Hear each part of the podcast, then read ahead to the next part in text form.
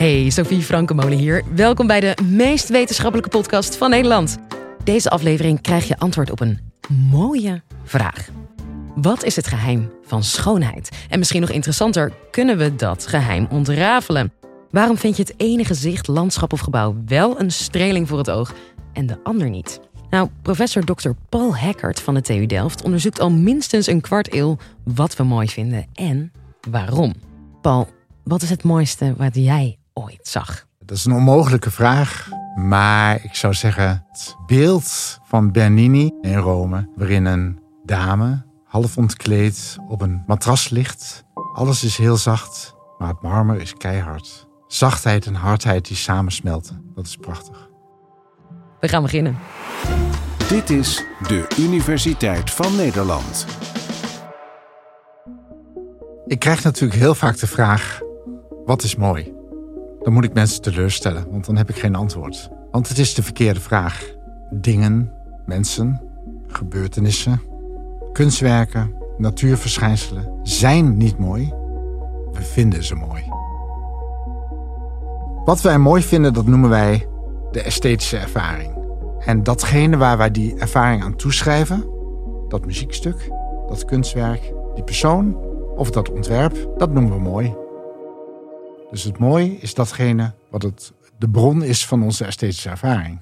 En dat is een hele bijzondere ervaring van wauw, dit wil ik langer naar kijken, dit wil ik langer naar luisteren. Een muziekstuk dat je mooi vindt, ga je telkens weer opnieuw beluisteren. Zo werkt dat. Ervaringen zijn dus per definitie heel subjectief en heel persoonlijk. Het feit dat die ervaringen zo persoonlijk zijn, dat maakt ze nog niet minder wetmatig.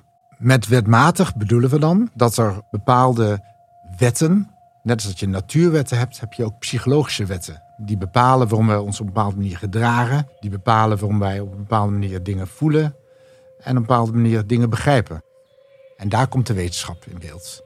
Die esthetische wetten die proberen we te ontdekken en daarmee proberen we verschillen tussen mensen en overeenkomsten tussen mensen te verklaren. In het geval van de esthetiek noemen we die wetten esthetische principes. Een van de oudste principes is het principe wat al door Aristoteles is benoemd. Dus dat is heel oud. Het principe van eenheid in verscheidenheid. Jaren geleden vroeg ik me af waar mijn zoontje was. Hij was toen denk ik zeven of acht. Hij was met zijn nichtje op zijn kamer aan het spelen. Al uren. En ik had ze heel lang niet gezien, dus ik ging eens even boven kijken. Ik deed de deur open van zijn slaapkamer en daar trof ik aan op de vloer van zijn kamer al zijn, en dat waren er nogal veel, denk dat er wel zeker honderd waren, of honderden misschien, al zijn dieren. Plusje dieren, plastic dieren, in allerlei soorten en maten. En die waren allemaal heel mooi in cirkels gerangschikt, geordend, orde, eenheid, om een centraal middelpunt. En daar lag een neushoorn op zijn zij. En toen ik vroeg, wat is dit, zei hij, het is de begrafenis van de neushoorn. Prachtig beeld en een supermooi voorbeeld van eenheid en verscheidenheid. En dat zie je ook kinderen en ontwerpers en kunstenaars bijna van nature doen. De wereld is vol verscheidenheid. Er waren, hij had een heleboel dieren. En wat gaat hij doen? Hij gaat orde scheppen in die veelheid, in die verscheidenheid, in die chaos. En orde scheppen in chaos is misschien wel het oudste principe van de esthetiek. Muziek maken is ook eigenlijk orde scheppen in chaos. Je hebt heel veel noten, je hebt heel veel opties. En wat doet een muzikant, wat doet een componist? Je gaat orde scheppen in die chaos. Dus daar gaat eenheid en verscheidenheid over. Wij houden van variatie, vinden wij interessant, vinden wij mooi, vinden wij fijn. Als die variatie gepaard gaat met orde, met samenhang en als we die kunnen ontdekken. Je moet het wel kunnen horen. En daar, dat is al een klein stapje naar die individuele verschillen. Als je die samenhang en die orde niet hoort, zoals sommige mensen niet horen in moderne jazzmuziek. Of in, als je ineens in India komt en je hoort Indiase muziek. Dan is het allemaal chaos.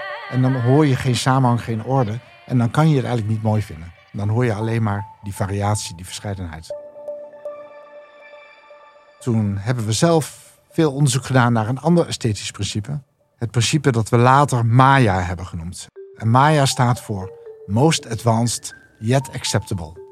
En dit principe zegt eigenlijk dat wij dingen mooi vinden, aantrekkelijk vinden, die heel geavanceerd zijn, die heel nieuw zijn, die we nooit eerder hebben gezien misschien. Innovatie dus. Maar alleen als het ook tegelijkertijd, en dat tegelijkertijd is heel belangrijk, vertrouwd is. De relatie tussen nieuwheid en vertrouwdheid die is zodanig dat je iets heel nieuw kan maken en vertrouwd tegelijkertijd. En producten, en daar hebben we veel onderzoek naar gedaan, zoals met auto's en lampen en fietsen en zelfs met vlakschuurmachines. En dan blijkt telkens weer dat die producten die origineel, nieuw en vertrouwd herkenbaar tegelijkertijd zijn, dat we die het meest waarderen. Bijvoorbeeld een lampje van Philip Stark, wat er echt uitziet als een klassiek schemerlampje, maar helemaal is opgetrokken uit een fluoriserend of doorschijnend kunststof, waardoor het ook heel gek oogt en heel nieuw oogt, maar tegelijkertijd heel vertrouwd. Nou, en toen gingen we nadenken over van, hé, hey, wat hebben die esthetische principes nu gemeen? Dat ze gaan over het overwinnen van tegenstellingen. Tegenstellingen tussen aan de ene kant het vertrouwde, de eenheid, het veilige, makkelijk om te begrijpen. En tegelijkertijd het nieuwe, het spannende, het moeilijke, het uitdagende. Al die principes, al die esthetische principes die we kennen, zijn eigenlijk variaties op dat thema. Het overwinnen van tegenstellingen. Want we vinden allebei belangrijk in het leven. Dat is wel belangrijk om te beseffen. We vinden zowel dat veilige, vertrouwde en dat uitdagende, moeilijke vinden we belangrijk. Vaak moeten we kiezen. En de, de essentie van schoonheid is juist dat we niet hoeven te kiezen, maar dat we twee zaken die we eigenlijk zien als onverenigbaar, dat we die tegelijkertijd kunnen ervaren. En daarin zit de schoonheid. Die overwinningen van tegenstellingen, die kom je in van alles tegen. Die kom je tegen in het beeld van Benini, wat ik in het begin noemde. Het zachte, lichamelijke en het harde marmersteen. En die twee verenigen, dat dat samen kan gaan. Dat je een hand in een dij ziet of in een, in een zij ziet. En dat je dan de indruk van die hand in dat lichaam ziet. Terwijl je tegelijkertijd beseft, dit is gewoon keihard marmer. Dat maakt het prachtig.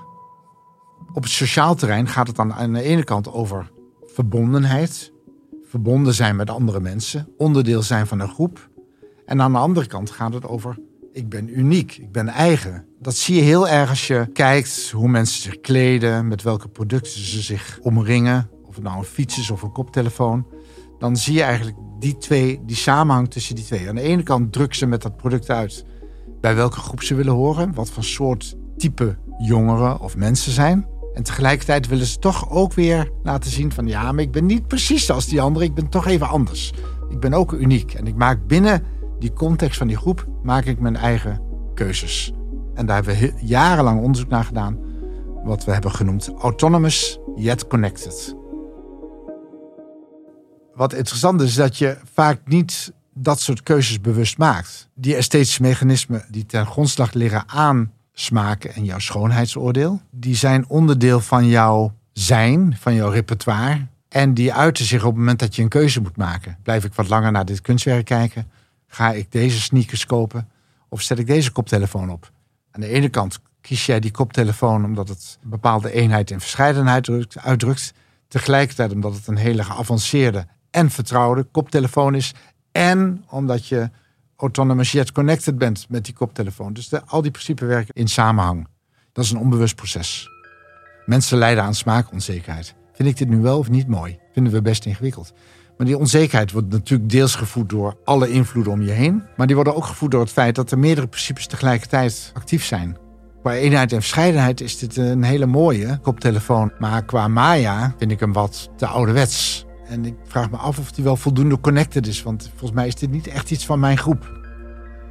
Wij vinden dus producten mooi die aan de ene kant nieuw en origineel zijn, maar tegelijkertijd ook herkenbaar en vertrouwd zijn. Tot zover is het is het principe dus universeel. Het geldt voor iedereen. Echter, wat voor jou nieuw en origineel is, of wat voor iemand in Japan nieuw en origineel is, of voor iemand die veel ouder is dan jij of veel jonger is dan jij nieuw of origineel is, dat verschilt natuurlijk. Want het heeft te maken met alle dingen die je eerder hebt gezien, alle ervaringen die je in je leven hebt gehad, et cetera. Met andere woorden, het is logisch dat er heel veel verschillen zijn. Maar dan zie je ook wanneer mensen hetzelfde mooi vinden. Want als ze ongeveer dezelfde achtergrond hebben en mensen uit een bepaalde opleidingsniveau, leeftijd, land, hebben ongeveer dezelfde dingen vaak gezien en minder vaak gezien, En zullen qua smaak veel dichter bij elkaar liggen dan mensen die uit een hele andere achtergrond, leeftijd, ander deel van de wereld komen.